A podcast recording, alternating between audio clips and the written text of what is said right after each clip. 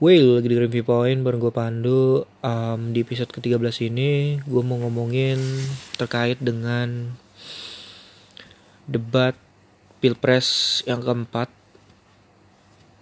Atau debat Capres antara Jokowi dan Prabowo. Jadi menurut jadwal dari KPU kan Ada lima rangkaian debat. Berarti masih menyisakan satu rangkaian debat lagi Satu sesi debat lagi nanti tanggal 13 April atau debat Capres Cawapres atau juga bisa dikatakan debat final atau juga sebagai simbolisasi sebagai penutup rapat umum atau kampanye terbuka yang udah dimulai dari 24 Maret sampai 13 April. Sebelum menuju masa tenang dan kemudian pencoblosan tanggal 17 April. Jadi mengenai debat yang kemarin itu kan ada lima topik sebenarnya. Pertama terkait dengan ideologi, penerapan ideologi. Yang kedua terkait dengan pertahanan, keamanan, pemerintahan, dan yang terakhir hubungan internasional. Sebenarnya gue nggak mau ngulas lebih banyak lagi segmen per segmen karena mungkin dari lo semua udah baca di media gitu ya ulasan lengkap terkait dengan debat kemarin termasuk misalnya setiap kata gitu ya setiap konteks yang diucapkan oleh para capres kemarin. Jadi gue cuman pengen um, ngulas sedikit terkait dengan strategi yang dipakai oleh kedua capres Pertama-tama mengenai debat kemarin, topik-topik yang diangkat itu kan menurut gue seharusnya cukup berimbang gitu ya. Pertahanan keamanan misalnya seharusnya dihajar habis sama Prabowo gitu ekspektasi gue di awal. Kemudian terkait dengan pemerintahan sama terkait dengan hubungan internasional seharusnya itu menjadi ranahnya Pak Jokowi gitu. Terkait dengan ideologi gue sebenarnya nggak berharap banyak akan muncul um, gue sambil minum dulu. Karena tenggorokan gue lagi gak enak.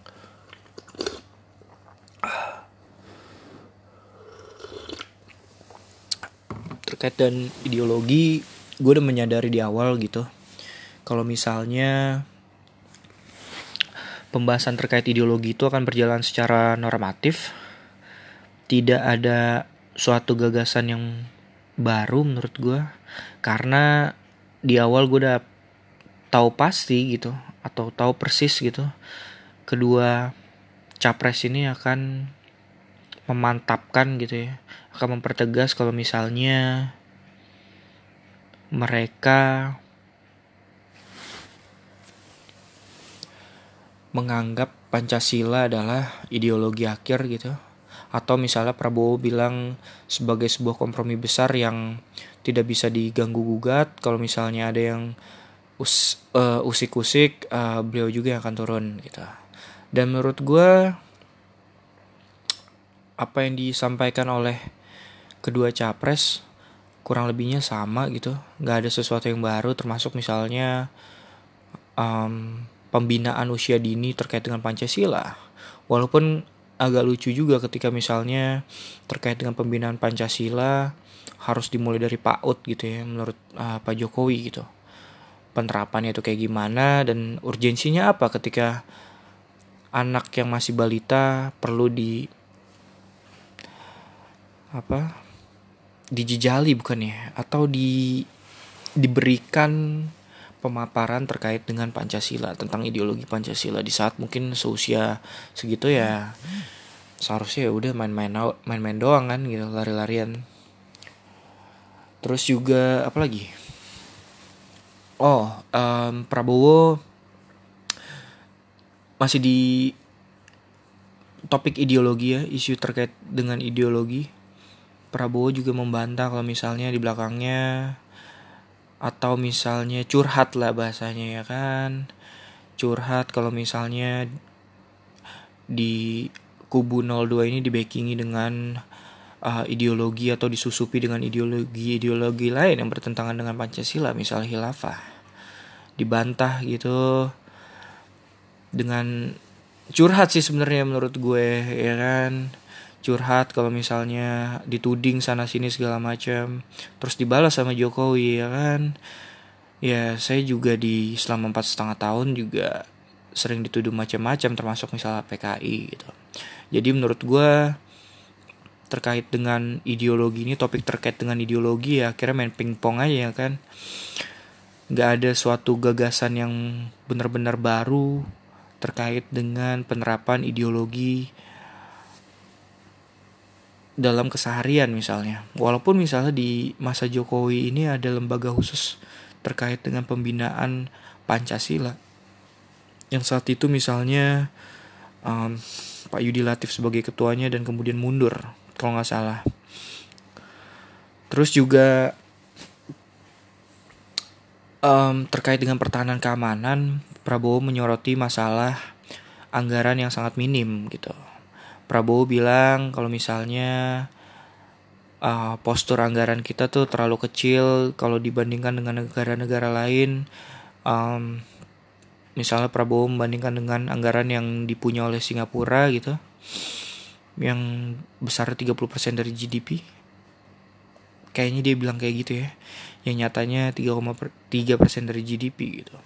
Dan Jokowi menyampaikan kalau misalnya anggaran pertahanan ini cukup besar gitu atau nomor dua di bawah infrastruktur yang selama ini emang menjadi sektor prioritas dari pemerintahan Jokowi selama lima tahun ini.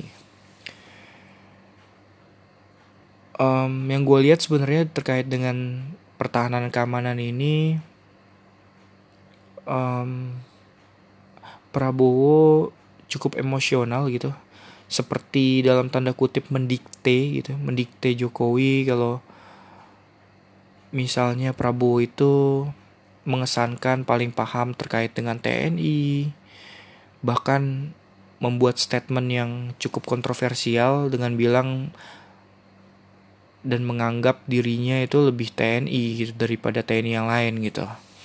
Gue nggak tahu maksudnya konteks di situ apa, apakah misalnya merendahkan perwira yang lain, maksudnya anggota TNI yang lain, atau bahkan merendahkan atau menganggap dirinya lebih besar daripada institusi TNI-nya. Karena waktu debat ini kan emang cukup uh, cukup sedikit gitu, jadi sebenarnya butuh elaborasi lebih lanjut dan butuh tafsiran yang tafsiran yang sebenarnya harusnya matang gitu yang tidak menimbulkan tafsiran abu-abu gitu terhadap statement-statement yang bergulir kemudian. Kemudian akhirnya pasca debat kemudian dikritik gitu apakah ini merendahkan TNI apakah menganggap perwira yang lain atau purnawira purnawirawan yang lain itu uh, di bawahnya dia standarnya apa gitu. Kalau misalnya menganggap dirinya sebagai lebih TNI daripada TNI gitu TNI yang lain Nah dalam konteks ini tuh gue masih juga abu-abu cukup abu-abu. Dan misalnya kontroversial ini ya menjadi kontroversial ketika misalnya memang tidak dijelaskan lebih lanjut. Apakah misalnya walaupun misalnya uh, dari kubu Prabowo juga menjelaskan kalau misalnya ya Prabowo itu ya bilang kayak gitu ya sebagai gambaran uh, prajurit gitu yang rela apa pun demi negara ya bisa jadi gitu. Maksudnya Prabowo di situ.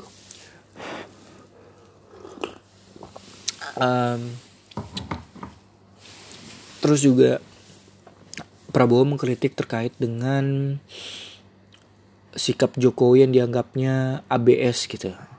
Artinya cuma mendengar dan cuma mendengar dari bawahannya dan percaya gitu. Dan kemudian dibantah sama kemudian dibantah oleh uh, Jokowi kalau misalnya um, dia aja yang sipil kenapa lebih percaya daripada TNI gitu. Dibalas berbalas pantun lah ibaratnya berbalas pantun dengan uh, Prabowo gitu. Karena emang uh, gue sebenarnya berharap banget bukan hanya mengkritisi terkait dengan postur anggaran tapi juga uh, lebih dalam lagi gitu mengenai misalnya strategi-strategi lain untuk um, memantapkan diri gitu ya atau intinya tuh uh, ekspektasi gue sebenarnya bukan hanya dilihat tadi menganggap Indonesia itu berada dalam situasi yang genting terus gitu ya karena yang gue lihat sepanjang debat tuh seperti Indonesia tuh pengen perang aja gitu kan. Berada dalam situasi genting aja. Ya bahkan Jokowi bilang gitu misalnya ia dibisiki atau diberikan um, di briefing lah bahasanya kan di briefing kalau misalnya dalam 20 tahun ke depan tidak ada perang gitu. Kemudian dikritik juga oleh uh, Prabowo kalau misalnya negara itu harus siap which is true gitu menurut gue di situ di bagian situ. Kemudian juga dikoreksi oleh Jokowi kalau misalnya itu hanya prediksi gitu.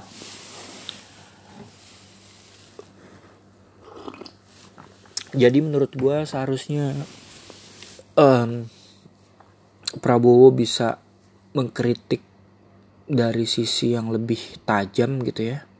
Karena gue gue lihat tuh sepanjang debat juga Jokowi tidak menjadi ofensif sebenarnya. Menurut gue berada dalam kondisi yang moderat gitu. Tidak ofensif tidak juga uh, bertahan tidak defensif gitu. Jadi um, berusaha untuk menerapkan dan berfokus menurut gue strategi, sama strategi yang dipakai sama Jokowi ketika eh, sesi tanya jawab. Misalnya terkait dengan um, pertanyaan mengenai mall pelayanan publik, kemudian juga bagaimana tanggapan Prabowo terhadap uh, konflik di Rahine State gitu sebenarnya ini strategi yang udah diterapkan oleh Jokowi dari 2014 gitu misalnya ingin mengecoh Prabowo terhadap isu-isu tertentu gitu. Walaupun di debat ke empat ini di 2019 ini juga tidak berhasil berhasil banget gitu cara untuk mengecoh itu. Walaupun ditutup dengan ya dengan penjabaran atau capaian-capaian yang udah dilakukan untuk pertanyaan-pertanyaan yang diajukan sama pra, uh, ke Prabowo gitu. Misalnya menjelaskan terkait dengan kemudian uh, Jokowi menjelaskan uh, penerapan mall pelayanan publik kalau misalnya udah terimplementasi di 13 kota di Indonesia dan kemudian akan ditingkatkan lagi. Kalau misalnya Jokowi juga di situ di awal bahkan ya terkait dengan topik dengan pemerintah topik pemerintahan memang ini menjadi uh, fokus Jokowi menjadi titik kekuatan Jokowi terkait dengan digitalisasi uh, pemerintahan Misalnya beliau bilang kalau pemerintahan ke depan itu harus pemerintahan dilan gitu, pemerintahan digital melayani. Ini pertama ingin mengayuh gimana ya? Ingin berenang tapi lu pengen mencapai uh, dua tujuan gitu misalnya. Tujuan pertama adalah menjabarkan kekuatannya selama ini terkait dengan digitalisasi pemerintahan, pendekatan teknologi untuk um, menekan uh, birokrasi yang selama ini dicap sangat kaku gitu. Terus juga misalnya dijelaskan uh, telah membubarkan 23 lembaga dari 2014 sampai 2017.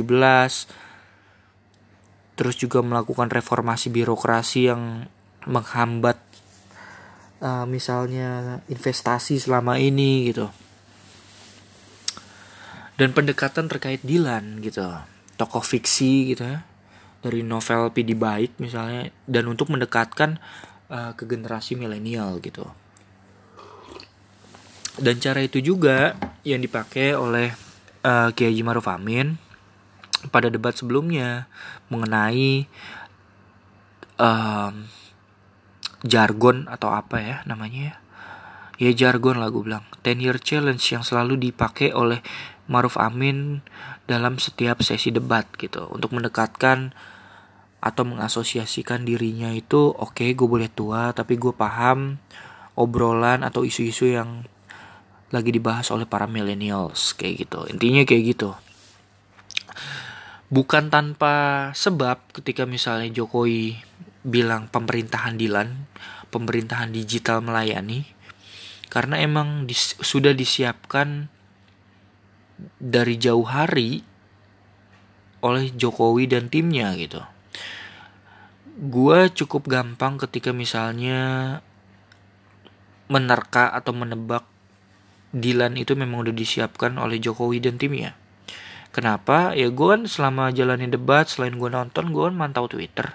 Ketika misalnya kata Dilan itu digital melayani itu muncul, gak lama semua buzzernya juga mempost foto-foto atau infografis lah ya mengenai digital melayani gitu. Jadi emang udah disiapkan dari jauh hari dan bukan sisi spontanisme dari Jokowi saat itu.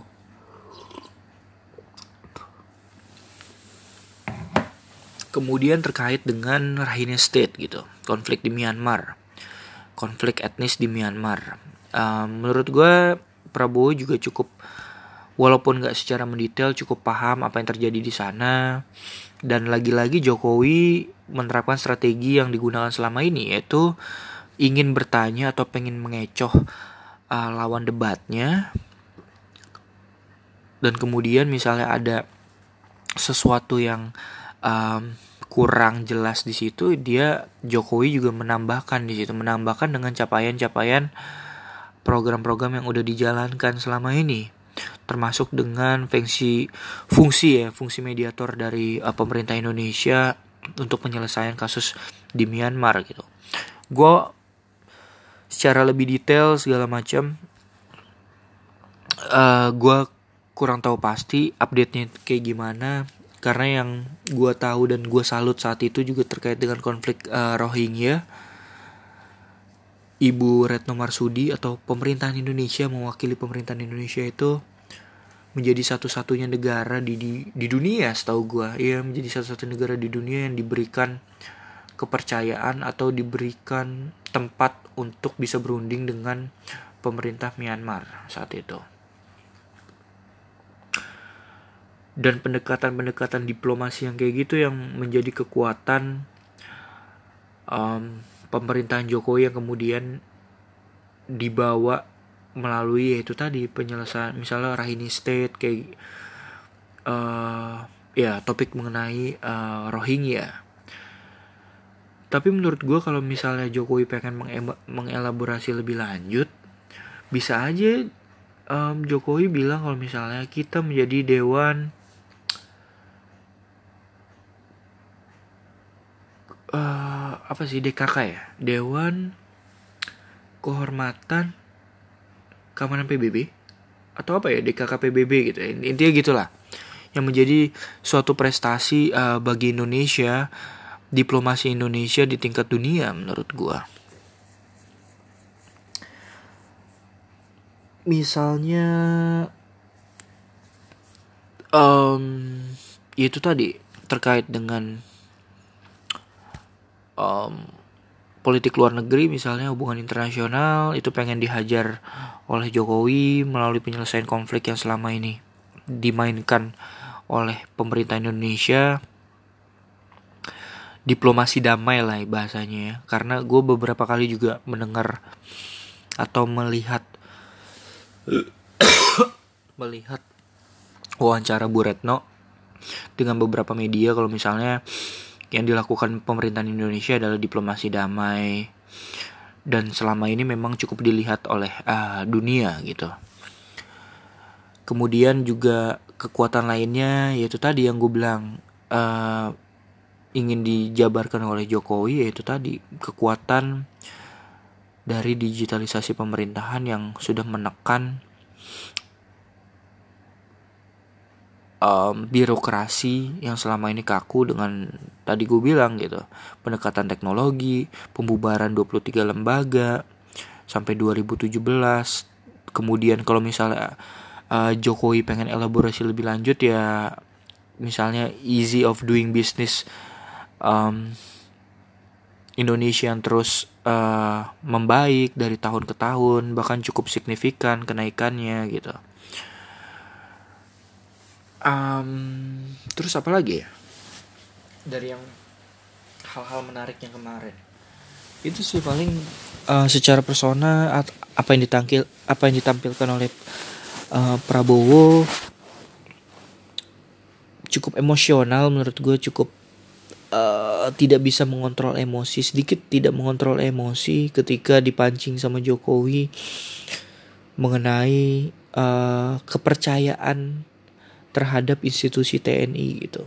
Mempertanyakan um, tingkat kepercayaan Prabowo terhadap institusi TNI ketika misalnya pra, uh, Jokowi dikritik kalau ABS, sekedar ABS atau misalnya diplomasi yang dilakukan uh, Jokowi selama ini itu uh, cuma menjadi Mr. Nice Guy kayak gitu-gitu lah intinya. Tapi menurut gue cukup menarik lah debat kemarin walaupun memang debatnya juga ya terbatas gitu sama, sama seperti debat-debat yang sebelum-sebelumnya gitu. Suasana debatnya juga kurang cair. Kedua pasangan juga kedua calon uh, presiden juga cukup hati-hati dalam menjabarkan uh, menjaga menjabarkan visi dan misi terhadap topik-topik yang menjadi uh, bahan bahan debat gitu. Dan yang satu pengen gue soroti lagi selain debat capres kemarin yaitu um, perebutan suara milenial. Tadi gue udah bahas terkait dengan kenapa Jokowi sempat menyinggung terkait dengan Dilan gitu ya, digital melayani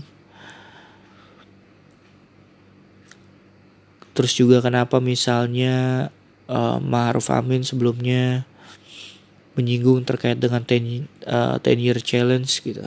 Sebenarnya seberapa besar sih gitu dampak uh, suara milenial pada pemilu 2019 sehingga misalnya kedua capres dan cawapres, kedua paslon capres dan cawapres itu sangat memperebutkan suara milenial dan mengasosiasikan dirinya sebagai milenial. Bahkan yang menurut gue ya kenapa kayak gitu juga gitu kan?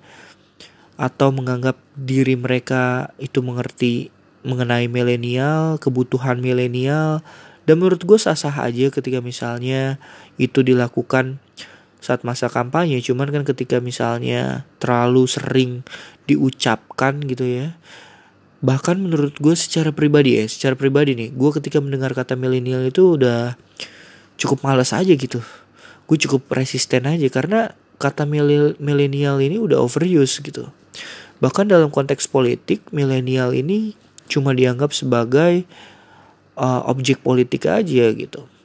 Tidak menganggap milenial ini bisa menjadi subjek politik walaupun nanti uh, gue akan jelasin lebih lanjut gitu di mana fungsi subjek politik yang selama ini atau bisa kita lakukan ketika um, musim-musim uh, pemilu kayak gini gitu. Pengejauhan tahannya itu kayak gimana sih kalau misalnya milenial itu menjadi subjek gitu. Walaupun misalnya ada juga yang bermain di area situ gitu. Gue pengen ngejelasin terkait dengan objek politik aja. Objek politik dulu lah intinya pertama terkait dengan milenial itu sendiri uh, apa sih gitu ya milenial itu kan mereka yang berada di rentang usia atau di umur 20 sampai 34 tahun ini ada beberapa sumber juga gitu yang udah gue coba cari tahu beberapa juga ada perbedaan ada selisih gitu ya selisih uh, penjabaran terkait dengan definisi yang tepat terkait dengan milenial gitu. Tapi gua ambil jalan tengahnya aja mereka yang berada di rentang usia 20 sampai 34 tahun dan mereka cukup peka dengan uh, teknologi. Misalnya terkait dengan media sosial dan lain-lain gitu. Sehingga suara mereka itu cukup diperebutkan gitu. Pertama milenial ini menguasai teknologi yang tadi gue sempat singgung gitu ya. Menguasai media sosial. Sehingga apa yang terjadi di media sosial ini menjadi daya tarik sendiri bagi para milenial. Dan suara mereka ya cukup besar gitu. Sehingga misalnya capres cawapres ini nggak malu-malu untuk mengeluarkan jargon-jargon untuk menggait para pemilih muda ini gitu. Jumlahnya besar cuy 40 persenan jadi nggak um, nggak asing gitu ya. Atau nggak aneh seharusnya ketika misalnya uh, Jokowi mengeluarkan jargon mengenai Dilan untuk digital melayani atau seorang Maruf Amin yang sudah berusia sekitar 76 atau 78 kalau nggak salah itu berupaya untuk mengasosiasikan dirinya dekat milenial dengan beberapa kali atau bahkan di setiap sesi ditutup dengan kata jargon gitu ya. Kata atau jargon uh, 10 year challenge. Lo bisa cek lagi gitu misalnya di debat cawapres kemarin gitu. Walaupun misalnya tanpa itu juga apa yang disampaikan Maruf Amin untuk penguasaan debat kemarin menurut gue cukup uh, mengagetkan gitu ya. Beberapa orang merasa kaget tapi bagi gue sendiri sebenarnya enggak. Itu udah gue udah udah gue ulas gitu. Kenapa misalnya sosok Maruf Amin ini nggak bisa dipandang sebelah mata gitu. Uh, itu. Jadi sebagai objek politik suara milenial itu sangat besar banget gitu ya. Sehingga uh,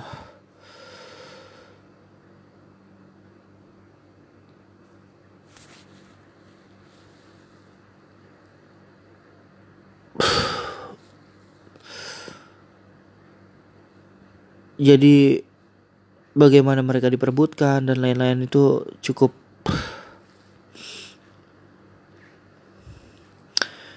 cukup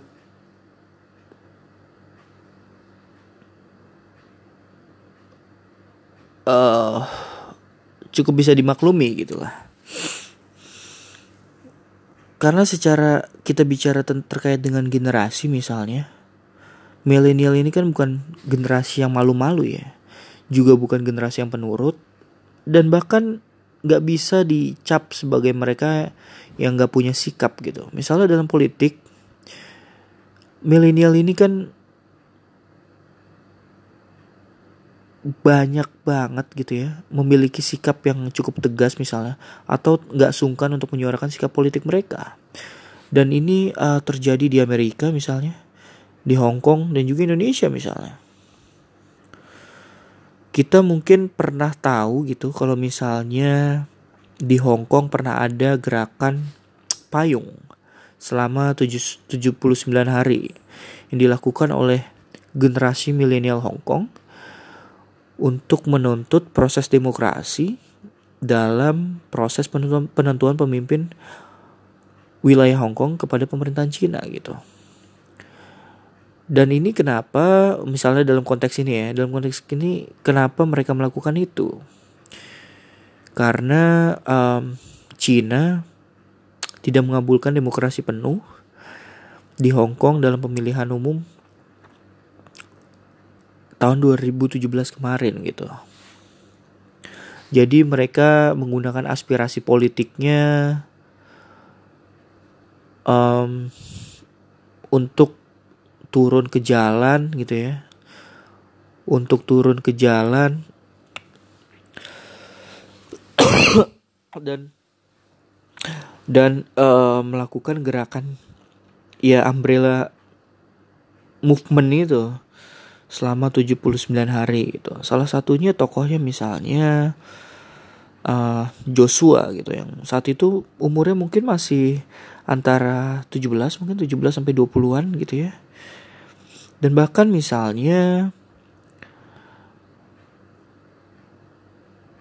di 2016 gitu ya. Ada 72% generasi milenial memilih uh, Sanders politikus gitu ya yang usianya udah 72 tahun dan 80% gitu ya orang atau lebih dari 80% dari pemilih yang uh, memilih uh, Sanders gitu misalnya di bawah uh, 30 tahun gitu. Walaupun kemudian uh, Sanders kalah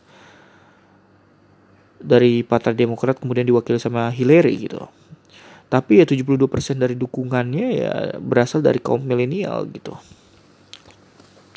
Jadi kalau misalnya kita bicara ke dalam konteks politik misalnya, milenial ini ya menurut gue secara preferensi politik tuh mereka bisa liberal, bisa konservatif. Uh, jadi nggak mungkin ya, nggak ada satu preferensi politik yang pasti um, terkait dengan mereka gitu. Jadi terkait dengan pandangan politik milenial gitu. Misalnya di Amerika Serikat gitu ya. 43% misalnya menyatakan liberal, 50% konservatif dan sisanya um, menyatakan netral gitu. Nah, ini survei yang gue dapet dari The Millennial Impact Report gitu mengenai uh, preferensi politik um, milenial di Amerika Serikat. Dan lucunya adalah dari para milenial ini paham betul gitu karakter Trump gitu sehingga di 2016 kemarin yang memilih Trump cuman sekitar 11% gitu ya. Atau uh, intinya tuh sangat kecil gitu karena ya pandangan Trump atau yang selama ini di statement-statement yang dikeluar Trump itu ya nggak cocok dengan um, generasi milenial gitu. Jadi seperti itu. Misalnya kalau kita bicara dalam konteks uh, politik uh, politik Indonesia, bagaimana milenial uh, menjadi subjek gitu, subjek politik, ya mereka terjun langsung gitu menjadi caleg dan menjadi penantang para petahana yang usianya tidak lagi muda gitu dan caleg-caleg muda ini menawarkan gagasan-gagasan menurut gue cukup cemerlang gitu. Terbukti misalnya gue sebutin lah beberapa caleg yang selama ini juga menjadi uh, jubir para capres. Misalnya Samara dari PSI Uki dari PSI uh, eh, siapa lagi ya? Um, uh, Jabar 6 uh, eh, dari Depok dari PSI juga. Aduh anjir. Itu dapil gue lupa gue namanya. Terus juga ada Valdo dari uh, eh, BPN terus juga ada Rahayu walaupun petahana tapi masih muda. Program-program dan isu-isu sangat menarik. Dari Gerindra itu ya. Kemudian siapa lagi ya uh, hmm, intinya tuh walaupun gini ya secara proporsi jumlah mereka itu masih sedikit dibandingkan dengan para uh, petahana yang usianya tidak lagi bisa dikatakan sebagai generasi milenial. Oh ya ada PSI misalnya ada Rian Ernest juga. Jadi um, itu anak-anak muda yang cukup progresif yang menawarkan hal-hal baru yang seharusnya bisa menjadi alternatif dikala ada kemandekan terkait dengan fungsi-fungsi um, para petahana gitu ya yang kita lihat tuh selama lima tahun ini mengalami kemandekan. Misalnya uh, agenda-agenda prolegnas yang tidak diselesaikan terus juga yang terakhir uh, rapat paripurna yang dihadiri cuma 20-an orang walaupun yang tanda tangan 200 orang gue nggak ngerti itu yang tanda tangan siapa gitu kan. Walaupun memang um, saat ini masa kampanye gitu tapi itu nggak bisa jadi justifikasi juga untuk mereka para anggota DPR ini ibaratnya mangkir dari rapat paripurna gitu. Karena kontrak politiknya kan selama lima tahun gitu. Kalau misalnya mereka nggak datang rapat paripurna ya gimana gitu. Ya DPR kita ya cerminannya akan seperti itu aja. Bolos rapat tidur saat rapat. Yang paling parah dulu pernah ada yang nonton ketahuan nonton bokep ya kan?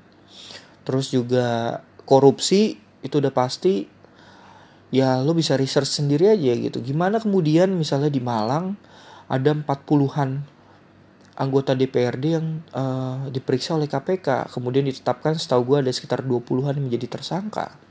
Itu kan gila-gilaan gitu ya. Perampokan uh, habis-habisan gitu kan yang terjadi di uh, eh, DPRD Kota Malang gitu.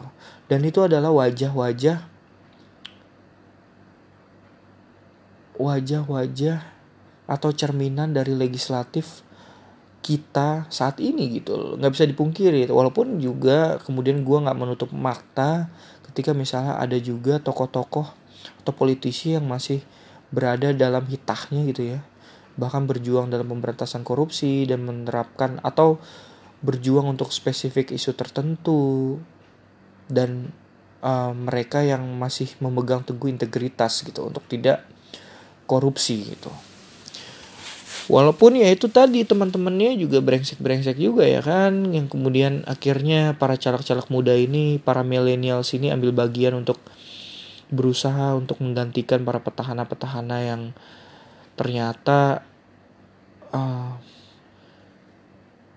menjadi anggota DPR cuman menjadi alat untuk mencuri uang negara misalnya atau menjadi uh, menjadi apa ya bahasanya?